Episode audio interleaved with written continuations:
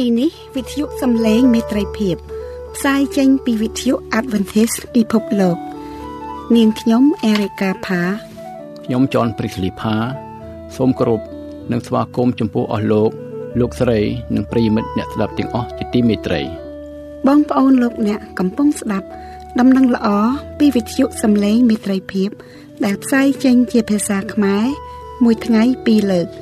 ព្រឹកពីម៉ោង6 ដល់ម៉ោង6:30នាទី ពេលល្ងាចពីម៉ោង8ដល់ម៉ោង8:30នាទីយប់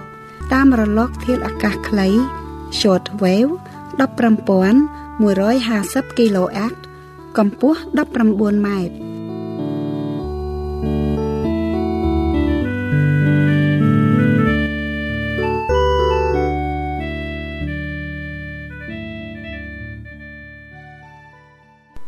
សូមគោរពស្វាគមន៍បងប្អូនលោកអ្នកក្នុងកម្មវិធីសិក្សាព្រះគម្ពីរមេរៀនសាបាស្គូលតាមវិទ្យុសំឡេងមេត្រីភាព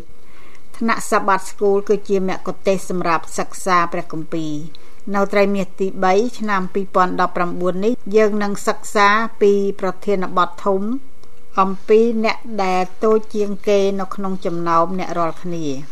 ថ្ងៃនេះយើងនឹងសិក្សាមេរៀនទី4ក្នុងត្រីមាសទី3ដែលមានចំណងជើងថា សេចក្តីមេត្តាក្នុងព្រះគម្ពីរទំនុកដំកើងនិងព្រះគម្ពីរសុភាសិតមានពោហើយអ្នកណាដែលមើលនឹងស្ដាប់ព្រះបន្ទូលនៃព្រះសូមព្រះជាម្ចាស់ប្រទានព្រះពរដល់សន្តាប់នៃកម្មវិធីនេះយើងនឹងពិភាក្សាលើសំណួរមួយចំនួនដូចតទៅនេះសូមអានពីទំព័រថ្ងៃសុក្រសំណួរពិភាក្សាសំណួរទី1តើលោកអ្នកបានធ្វើជាមេដឹកនាំក្នុងការងារឬសហគមន៍របស់លោកអ្នក តាមរបៀបណាខ្លះក្នុងនាមជាអ្នកដឹកនាំតើលោកអ្នកអាចជួយមេដឹកនាំទាំងឡាយក្នុងសហគមន៍របស់លោកអ្នកបង្ហាញសេចក្តីមេត្តាឲ្យកាន់តែច្រើនឡើង ដល់មនុស្សតល់ក្រ និងខ្វះខាត ដោយរបៀបដូចម្ដេចដែរតើលោកអ្នកអាចជួយឲ្យអ្វីអ្វីដែលនៅជុំវិញលោកអ្នក មានសេចក្តីយុត្តិធម៌ដល់មនុស្សដទៃដោយរបៀបណាដែរសំណួរទី2ចូលនឹកគិតអំពីច្បាប់ទាំងឡាយដែលមាននៅក្នុងប្រទេសរបស់លោកអ្នកតើលោកអ្នកអាចធ្វើដូចម្ដេចខ្លះដើម្បីឲ្យច្បាប់ទាំងនេះកាន់តែប្រសើរឡើង ដើម្បីជួយដល់មនុស្សក្រីក្រ នៅក្នុងសហគមន៍របស់លោកអ្នក សំណួរទី3ហេតុដូចម្ដេចបានជាក្បួនច្បាប់របស់ព្រះគម្ពីរស្ដីអំពីការស្មើភាពគ្នា និងសេចក្តីយុត្តិធម៌សំខាន់ម្លេះសម្រាប់ធ្វើឲ្យសហគមន៍របស់យើងកាន់តែរឹងមាំឡើងសូមអានទៅខចងចាំ ចូលការពារដល់មនុស្សក្រីក្រ និងមនុស្សកំព្រា ហើយកាត់ក្តីដល់មនុស្សវេទនា និងមនុស្សកំសត់ ដោយយុត្តិធម៌ចុះចូលជួយសង្គ្រោះមនុស្សក្រីក្រ និងមនុស្សកំសត់ទុរគតដែរត្រូវជួយគេឲ្យរួចពីកណ្ដាប់ដៃនៃមនុស្សអាក្រក់នៅព្រះគម្ពីរទំនុកដំកើងចំពុក82ខ3និងខ4ព្រះគម្ពីរទំនុកដំកើងនិងព្រះគម្ពីរសុភាសិតបង្ហាញប្រាប់យើងអំពីបទពិសោធន៍ប្រចាំថ្ងៃនៃការរស់នៅជាមួយនឹងព្រះ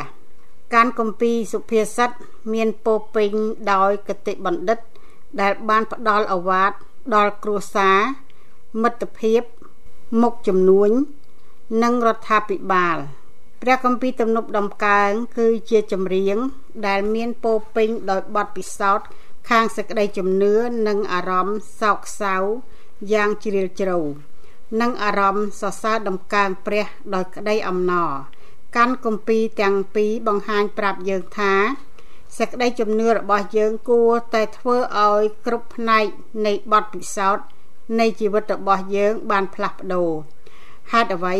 ពីព្រោះព្រះជាម្ចាស់បានយកប្រតិទុកដាក់លើគ្រប់ផ្នែកនៃជីវិតរបស់យើងព្រះអង្គយកប្រតិទុកដាក់អំពីរបៀបដែលយើងប្រព្រឹត្តនឹងអ្នកដទៃ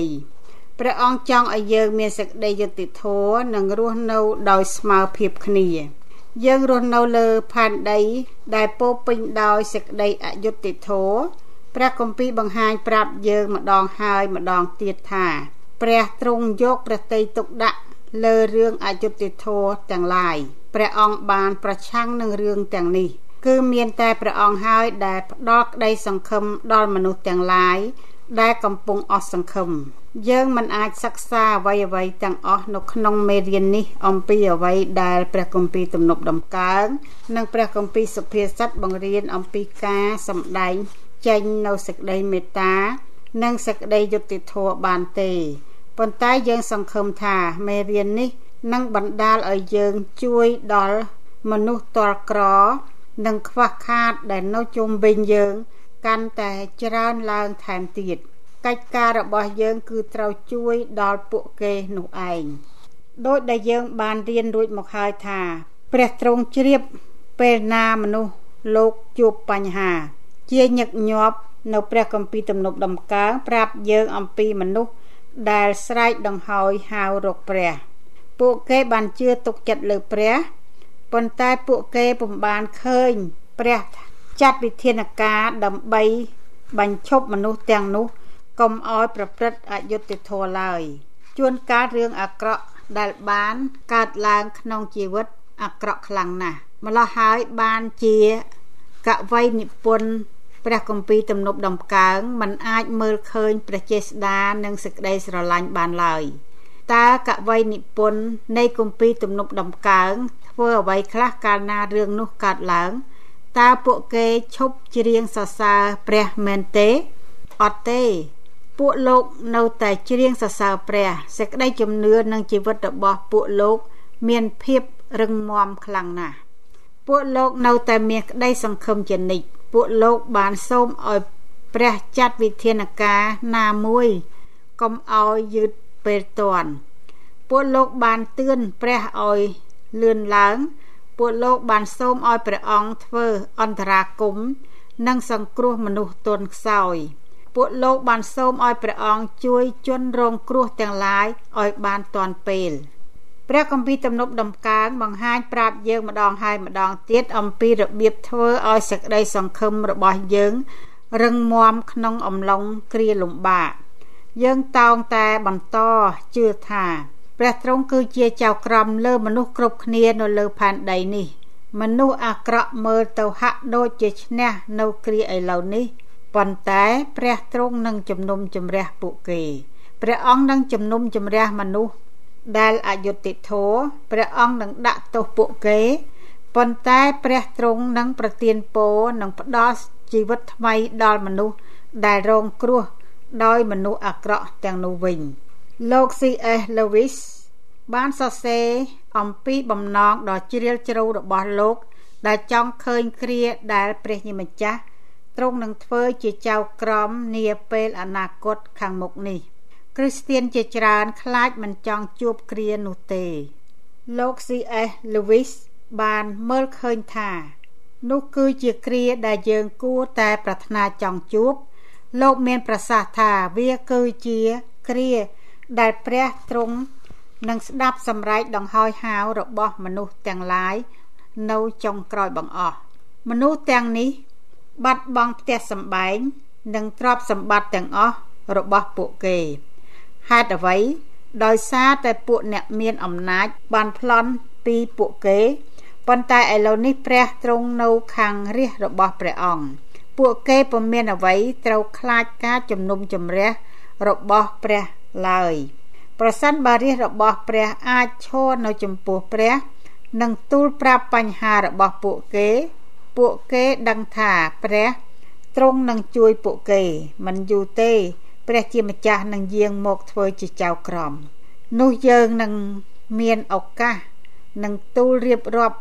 ប្រាប់រឿងទាំងអស់ដល់ព្រះអង្គដកស្រង់ពីសភៅការឆ្លោះបញ្ចាំងលើព្រះគម្ពីរទំនុកដំកើងរបស់លោក C.S. Lewis អោព្រះអង្គអើយសូមទ្រង់ឈរឡើងជំនុំជម្រះ សូមអានបទគម្ពីរទំនុកដំកើងចំពុក82តើចំពុកនេះផ្ដល់សារអ្វីដល់យើងរាល់គ្នាព្រះជាម្ចាស់បានប្រទានច្បាប់ជាច្រើនដល់រាជរបស់ព្រះអង្គច្បាប់ទាំងនេះបានជួយដល់រាជរបស់ព្រះឲ្យរស់នៅមានភាពប្រសើរជាងមុនវាជួយពួកគេឲ្យធ្វើជាគំរូអំពីសេចក្តីស្រឡាញ់របស់ព្រះប្រាប់ដល់មនុស្សដទៃទៀត ប៉ុន្តែជាការគួរឲ្យសោកស្ដាយរាជរបស់ព្រះខកខានมันបានធ្វើតាមផែនការរបស់ព្រះអង្គឡើយពួកគេបានប្រែក្លាយដូចជាមនុស្សធម្មតាដែលនៅជុំវិញពួកគេទៅវិញមេដឹកនាំនៃប្រទេសដទៃទៀតពុំបានផ្ដល់យុត្តិធម៌ដល់ពលរដ្ឋរបស់ខ្លួនឡើយពួកគេបានលួចប្លន់និងធ្វើបាបរាជរបស់ខ្លួន រាជរបស់ព្រះក៏បានធ្វើតាមមេដឹកនាំទាំងនោះពួកមេដឹកនាំនិងចៅក្រមរបស់ព្រះគិតតែពីប្រយោជន៍ផ្ទាល់ខ្លួនមនុស្សអាក្រក់បានសោកប៉ាន់ដល់ចៅក្រមឲ្យកាត់ក្តីតាមចិត្តរបស់ពួកគេតុលាការពុំបានការពារដល់ប្រជាជនឡើយมันយូរប៉ុន្មានពួកអ្នកមានចាប់ផ្ដើមប្រើអ្នកក្រឲ្យធ្វើការងារ ឲ្យពួកគេដើម្បីឲ្យពួកគេកាន់តែមានឡើងថែមទៀតប៉ុន្តែពួកអ្នកមានទាំងនោះពុំបានផ្ដល់ប្រាក់ឈ្នួលដល់អ្នកក្រឲ្យបានត្រឹមត្រូវឡើយបទគម្ពីរទំនប់ដំកើងចំពុក82ក៏បានលើកឡើងអំពីគ្រាអាក្រក់ដែលរឿងទាំងនេះកើតឡើងដែរជំពូកនេះបង្ហាញប្រាប់ថាព្រះទ្រង់គឺជាចៅក្រម លើមនុស្សទាំងអស់នៅលើផែនដីនេះបទគម្ពីរទំនប់ដំកើងនេះក៏បង្ហាញប្រាប់អំពីគ្រាដែលព្រះទ្រង់ជំនុំជម្រះលើមេដឹកនាំនិងចៅក្រមដែលអយុត្តិធម៌ផងដែរអ្នកនិពន្ធនៃព្រះគម្ពីរទំនប់ដំកើងនេះ ប្រាប់អំពីការតបកិច្ចមួយចំនួនរបស់អ្នកដែលមានតួនាទីជាចៅក្រមគួរធ្វើ តាមទស្សនៈរបស់អ្នកនិពន្ធរូបនេះ កិច្ចការជាចៅក្រមរបស់ព្រះគឺជាគំរូមួយ ដែលចៅក្រមទាំងឡាយគួរយកគំរូតាមកិច្ចការជាចៅក្រមរបស់ព្រះក៏បង្ហាញប្រាប់យើងអំពីក្បួនច្បាប់ដែលយើងត្រូវរស់នៅតាមដែរព្រះទ្រង់នឹងប្រើក្បួនច្បាប់ទាំងនេះជំនុំជម្រះមនុស្សគ្រប់គ្នាដែលបានរស់នៅលើផែនដីនេះ ព្រះជាម្ចាស់បានប្រទានអំណាចដល់ពួកគេ និងបានជ្រើសរើសពួកគេឲ្យមានតួនាទីជាចៅក្រមរបស់ព្រះអង្គដកស្រង់ពីសំណេររបស់អ្នកស្រី Ellen G. White កវីនិពន្ធក៏បានបញ្ចប់បទគម្ពីរទំនប់ដំកើងនេះ ដោយទូលសូមឲ្យព្រះទ្រង់ឈរឡើងជំនុំជម្រះនៅព្រះគម្ពីរទំនប់ដំកើងចំពុក82ខ8 លោកក៏បានទូលសូមឲ្យព្រះធ្វើអន្តរាគមនិងបញ្ឈប់រាល់អំពើអាក្រក់ដែលកើតឡើង គ្រប់ទីកន្លែងក្នុងប្រទេសរបស់លោកបទគម្ពីរទំនប់ដំកើងនេះតំណាងឲ្យមនុស្សទាំងអស់ដែលរងគ្រោះដោយមេដឹកនាំរបស់ពួកគេ អ្នកនិពន្ធបានសូមឲ្យព្រះជួយព្រះទ្រង់គឺជាចៅក្រម និងជាអ្នកគ្រប់គ្រងលើមនុស្សទាំងអស់ និងលើរបស់សពសារពើ ទាំងនៅឋានសួគ៌និងផែនដីព្រះអង្គបានសន្យាពិតមែនហើយនឹងមានគ្រាមកដល់ដែលតុលាការទាំងឡាយនៅលើផែនដីនឹងលែងជួយដល់អ្នកក្រ ពួកគេនឹងមិនស្ដាប់តាមសំណូមពរដែលយើងសូមឲ្យជួយឡើយប៉ុន្តែយើងអាចសូមឲ្យព្រះជួយបានជានិច្ច ជួនកាលយើងក៏រងគ្រោះដោយសារមេដឹកនាំដែរជួនកាលយើងក៏ពុំបានប្រព្រឹត្តដោយយុត្តិធម៌ទៅកាន់មនុស្សដទៃដែរបទគម្ពីរទំនប់ដំកើងចំពុក82ជួយយើងឲ្យរកជំនួយ និងប្រាជ្ញាដើម្បីដោះស្រាយបញ្ហាទាំងពីរនេះ ព្រះទ្រង់ក៏យកព្រះតីទុកដាក់នឹងចៅក្រមអាក្រក់ដែរពីព្រោះពួកគេក៏ជារាជរបស់ព្រះអង្គដែរ ព្រះអង្គចង់ឲ្យពួកគេជ្រើសរើសយកជីវិតដែលប្រសើរមួយហេតុនោះយើងទាំងអស់គ្នានៅតែមានសង្ឃឹមជានិច្ចប្រសិនបើយើងព្រមឲ្យព្រះកែប្រែជីវិតរបស់យើងនោះសេចក្តីសន្យារបស់ស្ដេចសូមអានព្រះគម្ពីរទំនុកដំកើងចំពុក101អ្នកនិពន្ធបទនេះបានសរសេរវាឡើងមកសម្រាប់មេដឹកនាំទាំងឡាយ តើយើងអាចរៀនដំបូលមានសំខាន់សំខាន់អ្វីខ្លះពីបទនេះសម្រាប់ជីវិតរបស់យើងផ្ទាល់មនុស្សជាច្រើនជឿថាស្ដេចដាវីតជាអ្នកនិពន្ធបទទំនុកដំកើងចំពុក101នេះនៅក្នុងឆ្នាំដំបូងដំបូងដែលព្រះអង្គបានឡើងគ្រងរាជជាស្ដេចលើសាសអ៊ីស្រាអែលស្ដេចដាវីតមានបទពិសោធន៍លំបាកលំបាកជាច្រើនមុនពេល ដែលព្រះអង្គបានក្លាយជាស្ដេច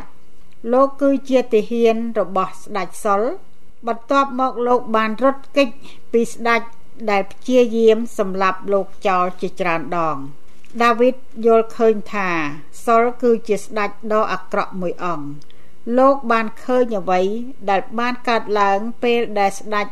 បំផ្លាញមនុស្សនិងក្រុមគ្រួសាររបស់លោកផ្ទាល់ ហេតុនោះហើយបានជាស្ដេចដាវីត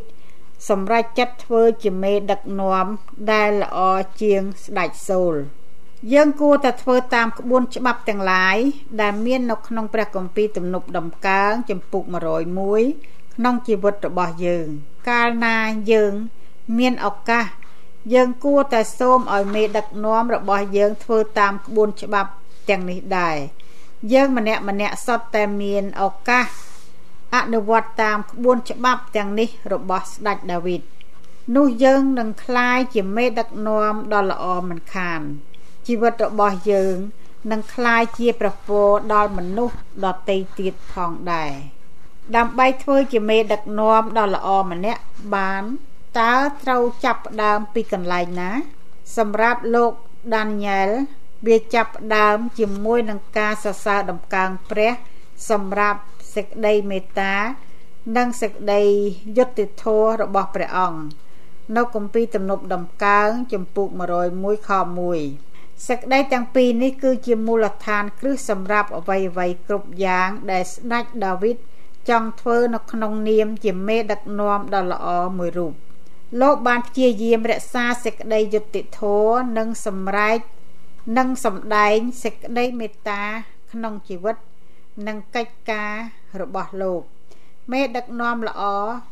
តោងតែមិនប្រព្រឹត្តបាបមិនកុហកនិងមិនប្រព្រឹត្តខុសអំពើបាបទាំងនេះ គឺជាអន្ទាក់យ៉ាងពិសេសសម្រាប់តៈមេដឹកនាំនិងអ្នកគ្រប់គ្រងឲ្យដួលចុះការដើរជាមួយនឹងព្រះជាម្ចាស់ខណៈដែលយើងអានចិត្តចប់កាន់កំពីទំនប់ដំកើង យើងឃើញថាភាកច្រើនសតតែជាបទសរសើរដំកើង5ចម្ពុកចុងក្រោយចាប់ផ្ដើមឡើងដោយប្រយោគថាចូលសរសើរដំកើងដល់ព្រះយេហូវ៉ានៅព្រះគម្ពីរទំនប់ដំកើងចម្ពុក146ដល់150ព្រះគម្ពីរទំនប់ដំកើងចម្ពុក146សរសើរព្រះដោយសារហេតុផលពិសេសមួយ គឺដោយសារព្រះអង្គសប្បុរសចំពោះមនុស្សតលក្រ និងមានសេចក្តីមេត្តាដល់ពួកគេសូមអានបទគម្ពីរទំនុកដំកើងចំពុក146តើចំពុកនេះប្រាប់សារអ្វីខ្លះតើខគម្ពីរទំនុកដំកើងចំពុក146ខ5ដល់ខ9អ្នកនិពន្ធចង់និយាយអំពីអ្វីខ្លះ ព្រះទ្រង់បានបង្កើតផ្ទៃមេឃនិងផែនដី នៅព្រះគម្ពីរទំនប់ដំកើងចំពុក146ខ6ចំពុកនេះក៏បង្ហាញប្រាប់យើងអំពីកិច្ចការរបស់ព្រះអង្គនៅលើផែនដីនេះក្នុងនាមជាចៅក្រមដែរចំពុកនេះបង្ហាញប្រាប់ថាព្រះអង្គប្រទានអ្វីអ្វីគ្រប់យ៉ាង ដែលយើងត្រូវការសម្រាប់ជីវិតដល់យើងព្រះអង្គបានរំដោះយើង ឲ្យរួចពីបាបព្រះអង្គរំដោះយើងឲ្យរួចពីមនុស្សដែលធ្វើបាបយើងព្រះអង្គបានព្យាបាលយើងព្រះអង្គបានជួយយើងនឹងការពារមនុស្សទន់ខ្សោយហេតុអ្វីបានជាយើងគួរយកចិត្តទុកដាក់នឹងមនុស្សដែលខ្វះខាតពិតមែនហើយ គឺដោយសារតែព្រះជាម្ចាស់មានបន្ទូលថា យើងគួរតែធ្វើដូច្នេះ ព្រះទ្រង់បានសូមឲ្យយើងធ្វើកិច្ចការនេះដោយសារតែព្រះអង្គក៏បានធ្វើកិច្ចការនេះដែរព្រះអង្គពុំមែនសូមឲ្យយើងធ្វើវាសម្រាប់ព្រះអង្គទេព្រះអង្គកំពុងតែអញ្ជើញយើងឲ្យធ្វើកិច្ចការនេះជាមួយព្រះអង្គវិញទេតើកាលណាយើងធ្វើកិច្ចការដែលលុបបំបាត់ជំងឺដង្កាត់ភាពស្រេកឃ្លាន និងសេចក្តីអាក្រក់ចេញពីផែនដីនេះ មានន័យថាយើងកំពុងតែធ្វើការជាមួយព្រះហើយយើងសហការជាមួយព្រះអង្គក្នុងកិច្ចការនៃសេចក្តីមេត្តារបស់ព្រះអង្គ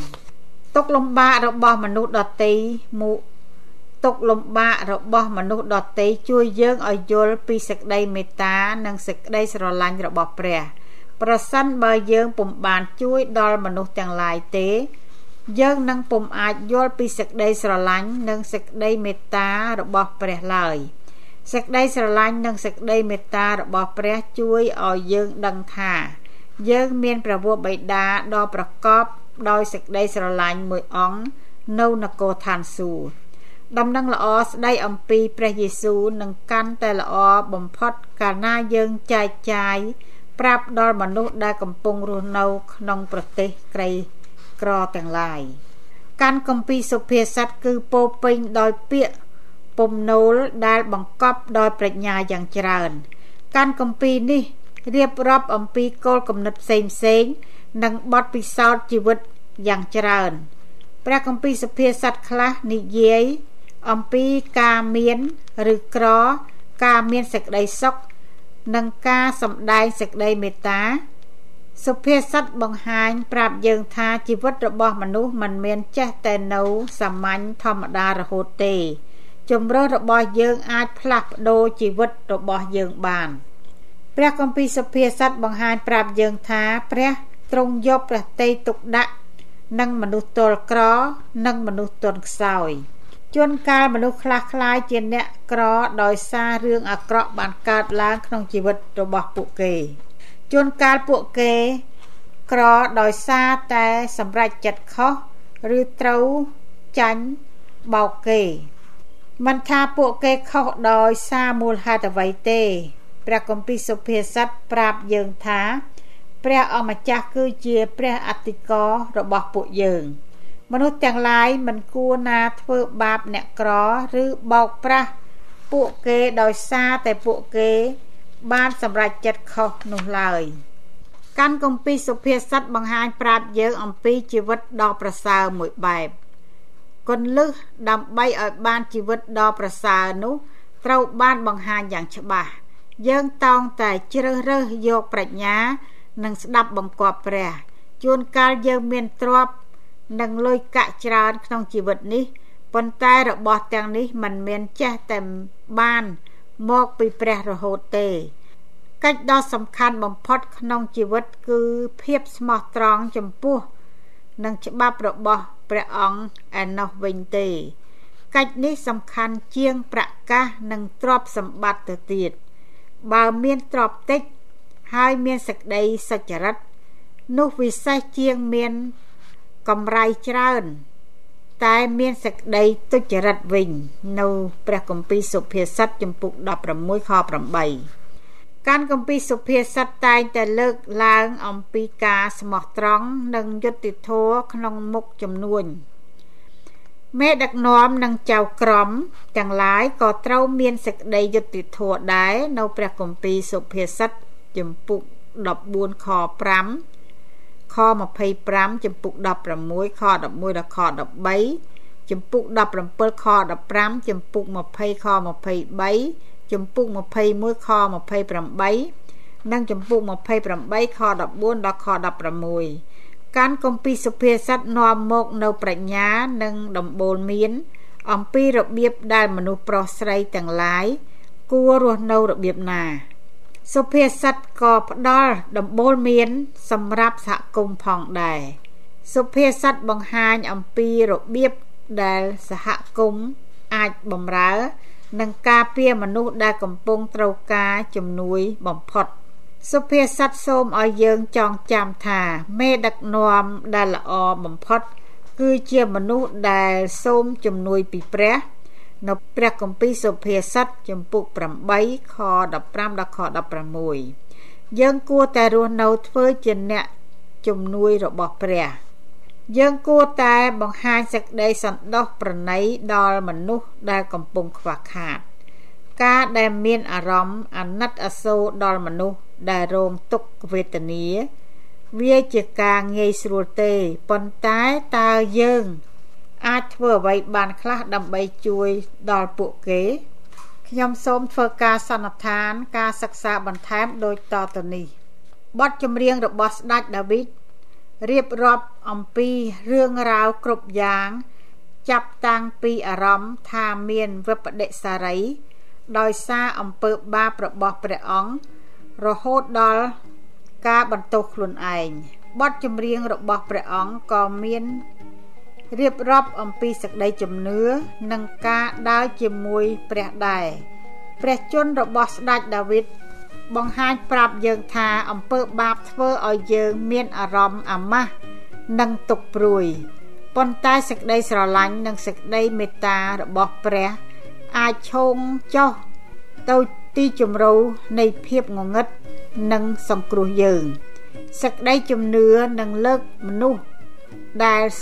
សោយសោកដែលបានធ្វើបាបឡើង បន្ទាប់មកយើងនឹងคลายជាកូនរបស់ព្រះបង្ហាញប្រាប់យើងនៅក្បួនច្បាប់យ៉ាងច្រើន កាលណាយើងស្ដាប់បង្គាប់តាមក្បួនច្បាប់ទាំងនោះ វានឹងធ្វើឲ្យសហគមន៍របស់យើងកាន់តែរឹងមាំឡើងក្បួនច្បាប់ទាំងនេះក៏ធ្វើឲ្យសាសនានិងរដ្ឋាភិបាលរបស់យើងរឹងមាំនិងមានភាពរលូនដែរ ក្បួនច្បាប់ទាំងនេះជួយយើងឲ្យមានសេចក្តីសុខសាន្តអ្វីក៏ដោយដែលធ្វើឲ្យសហគមន៍របស់យើងមានសេចក្តីសុខសាន្តគឺបានមកតែពីច្បាប់របស់ព្រះប៉ុណ្ណោះសូមព្រះជាម្ចាស់ប្រទានប្រពរដល់បងប្អូនលោកអ្នកជាបរិបូរណ៍នេតិយើងនឹងវិលមកជួបបងប្អូនលោកអ្នកនៅសប្តាហ៍ក្រោយទៀតសូមព្រះជាម្ចាស់ប្រទានប្រពរដល់បងប្អូនលោកអ្នកជាបរិបូរណ៍អាមែន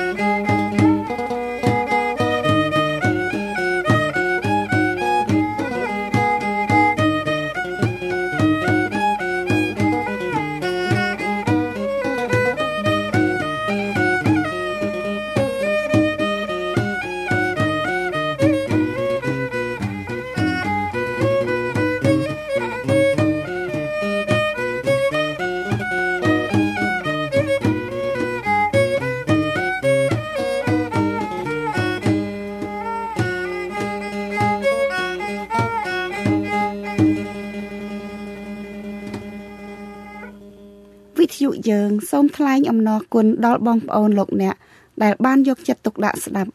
កម្មវិធីយើងខ្ញុំនៅថ្ងៃនេះសូមព្រះជាម្ចាស់ប្រទានព្រះពរជាបរិបូរណ៍